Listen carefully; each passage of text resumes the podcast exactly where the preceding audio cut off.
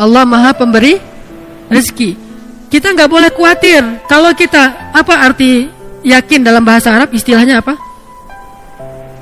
Percaya dalam bahasa Arab istilahnya apa? Iman. Iman itu dari bahasa aman yang artinya nyaman, tidak ada rasa gundah, tidak ada gangguan, tidak ada zal apa zilzal, guncangan, tidak ada raib, keraguan-raguan, aman. Maka orang yang beriman hatinya aman. Orang yang beriman hatinya tentram. Orang yang beriman hatinya nyaman. Kalau kita yakin bahwa Allah Maha Pemberi rezeki, maka kenapa kita merasa takut? Kenapa kita merasa sedih? Kenapa kita merasa khawatir? Kenapa kita merasa gundah? Kenapa kita merasa was-was? Kenapa? Berarti kita tidak benar-benar yakin Allah sang pemberi rezeki. Kenapa khawatir? Allah kan yang ngasih rezeki. Kenapa kita harus ngebela-belain banget sesuatu yang Allah benci. Kita ambil sesuatu yang Allah larang demi mendapatkan sesuatu nasi katanya ikhtiar. Padahal Allah yang memberi rezeki bukan pekerjaan, bukan seseorang, bukan siapa pun, tetapi Allah lah yang memberi rezeki.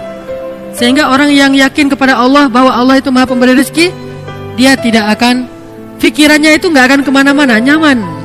Tapi ketika dia mulai suuzon sedikit saja, bisa nggak ya saya makan hari ini? Berarti dia sudah suuzon kepada zat Allah Sang Maha Pemberi rezeki. Kalau saya nanti nikah, saya bisa ngasih makan nggak kepada istri dan anak-anak saya? Asa ayyughniyahumullah kata Allah.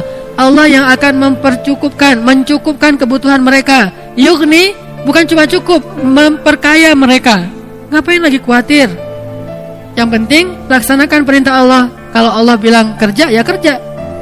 Allah bilang cari yang halal ya cari yang halal. Setelahnya nggak usah khawatir, maka belajar akidah itu nomor satu dalam agama. Namanya fiqhul akbar, fikih terbesar. Baru setelahnya ada fikih asgor, yaitu ibadah dan muamalah. Muamalah. Fikih yang paling besar, orang Indonesia itu jarang belajar. Baru masuk ke ke apa? Ke musola, ke masjid, anak kecil baru TK atau SD langsung diajarkan tentang sholat, fikih kecil. Diajarkan tentang akhlak, fikih kecil sedikit yang diajarkan tentang akidah yang itu adalah fikih be besar. Sehingga walaupun dia udah sholat, walaupun dia udah tahu tentang uh, ibadah, tapi dia belum punya keyakinan yang kuat sehingga gampang galau. Muncullah generasi ga, galau. Kenapa? Gak ada akidahnya. Coba lihat di Mekah ayat-ayat yang turun di Mekah apa isinya? Akidah akhirah, akidah akhirah, akidah akhirah. Iman kepada Allah, iman kepada hari akhir. Itu aja terus isinya. Baru nanti setelah di Madinah muncul sholat. Sholat yang sudah lima waktu. Walaupun dia menjelang hijrah ke Madinah. Sholat lima waktu. Kemudian puasa, kemudian zakat, kemudian jihad. Kemudian uh, menutup aurat hijab. Kemudian haji, umroh di Madinah.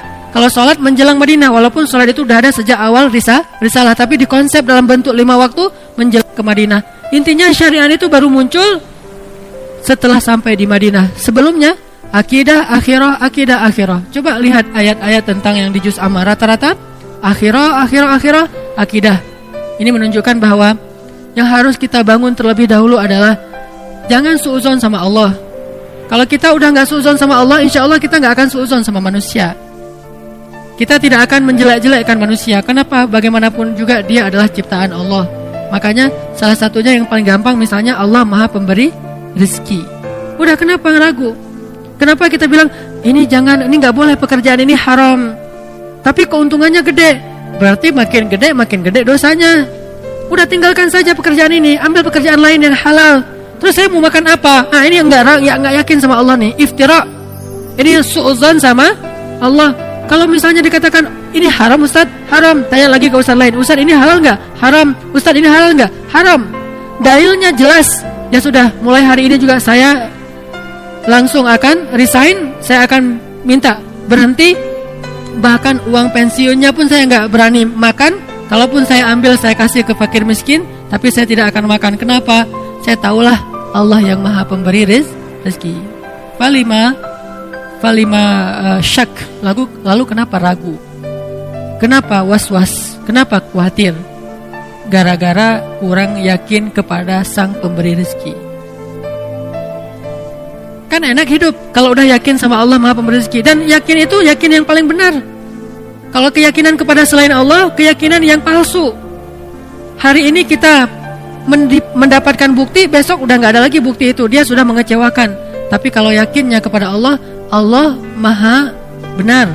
Kita sering mendengar itu. Sodakallah. Bahkan kalau ada orang yang ngaji lupa bilang lazim kita protes. Tapi kita nggak percaya sama Allah. Itu aneh tuh. Ada orang ngaji, kan lazim itu bukan bagian dari ayat ya. Jadi kalau kita habis ngaji bisa bilang lazim itu dengan keras atau pelan.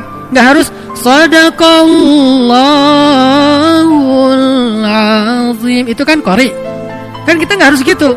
Kita bisa baca misalnya wasa'at masira. lazim. Bisa. Atau bareng-bareng lazim semuanya kan bisa kan? Namanya juga bukan ayat. Kalau lupa dibaca pun tidak dosa. Tapi karena luar biasa ya kita ya hebat. Kalau ada yang lupa, yang lupa bilang lazim, Ustaz kok tadi nggak pakai sadaqallah lazim? Tapi giliran dikatakan yang tadi Allah Maha Pemberi rezeki tinggalkan pekerjaan itu. Terus nanti saya makan apa? Mana sadaqallah lazim? Mana yang dia bilang Allah itu Maha benar? Udah gitu terjemahannya salah lagi kan? Maha benar Allah dengan segala firman-Nya. Padahal apa? Maha benar Allah yang Maha Agung. Oh kok gitu Ustaz? Kan udah berpuluh-puluh tahun sejak zaman Soekarno kita udah maha benar Allah dengan segala firmannya. Itulah orang kita kalau udah jadi kebiasaan nggak mau lagi diubah. Takut dengan perubahan. Dia bilang nggak boleh fanatik. Kenapa fanatik kepada yang nggak benar? Kenapa nggak berfanatik kepada yang benar? Itu aja adalah terjemahannya salah. Dan terus kenapa juga harus kalau ada kori itu terus uh, sari tilawah harus perempuan? Mentang-mentang gara-gara istilahnya sari gitu? Harus perempuan? Sadaqallahul azim. Udah sebelahnya aku berlindung dari godaan setan. Nunjuk lagi tuh. yang terkutuk. Ini kenapa harus gini gitu loh? Aneh kan? Kenapa nggak si korinya aja kan udah ada Quran terjemah tinggal baca. Dia baca gini nih. Dengan nama Allah yang Maha Pengasih lagi Maha Penyayang, sungguh kami telah memberikan kepadamu kemenangan yang nyata kan jelas Kenapa harus ada dua orang? Satu laki-laki, satu perempuan, bukan muhrim pula. Saya kori waktu kecil. Jadi saya sering tampil di televisi malam Jumat, cari tilawahnya perempuan. Masih kecil untungnya. Coba kalau udah remaja. Cari tilawahnya perempuan, ah suaranya bagus. Dia aku berlindung apa segala macam. Nanti kalau ayatnya tentang neraka, oh, kayak orang baca puisi kan? Ini karena kebiasaan kita. Makanya kalau kita rajin bilang sadaqallahul azim, kenapa sadaqallahul azim itu nggak masuk ke hati? Kenapa cuma di lisan sadaqallahul azim, maha benar Allah yang maha agung? Kenapa enggak? Oh benar tuh, memang benar ayat itu memang benar. Memang Allah maha razak, memang Allah maha rahman, memang Allah maha ghafur, memang Allah wahab. Jadi kalau misalnya dia belum dapat anak, berdoa lagi berdoa supaya Allah kasih anak. Udah berdoa, bukan udah nggak ada cerita udah berdoa, terus berdoa. Kenapa? Kalau nggak dikasih anak nanti dikasih di mana? Di surga. Emang di surga ada anak? Hadis riwayat Tirmizi. Baru aja kemarin saya baca. Kata Nabi, ketika seseorang menginginkan anak di surga, hari itu juga istrinya hamil dan melahirkan tanpa rasa sakit. Hadis riwayat Tirmizi. Abu Dawud, ketika seseorang menginginkan anak di dalam surga, hari itu juga istrinya hamil dan melahirkan tanpa rasa sakit dan tanpa menghilangkan keperawanannya. Lahir anaknya. Berarti kita punya anak banyak di surga? Punya anak banyak. Makanya nggak usah berputus asa, minta aja anak. Rabbi habli minas salihin. Rabbi habli min ladunka waliya. Waj'alhu rabbi radiyya. Rabbi habli min, min ladunka dzurriyyatan thayyibah. Rabbana hab lana min azwajina wa dzurriyyatina qurrata ayun. Kok belum Ustaz? Ala inna nasrallahi qarib. Inna Allah sami'ud du'a. Rabbi habli minas salihin. Rabbi habli minas salihin. Terus saja minta. Kenapa? Allah kita yakin sami' Maha mendengar. Dan kita yakin kata Nabi, dalam hadis kutsi Allah berfirman aku malu kalau melihat hambaku mengangkat kedua tangannya lalu aku tidak mengabulkan doanya itu aku malu maka kalau kita yakin sama itu terus saja minta Allah ini pasti malu nih nggak ngabulin Allah beri saya anak pasti Allah malu pasti Allah mendengar tapi kalau kita bilang Allah dengar nggak ya itu suuzon Allah mau ngasih nggak ya saya khawatir Allah nggak akan ngasih itu suuzon karena Allah sendiri mengatakan Aku uji da'watad da'i idza da'ani. Aku pasti mengijabah.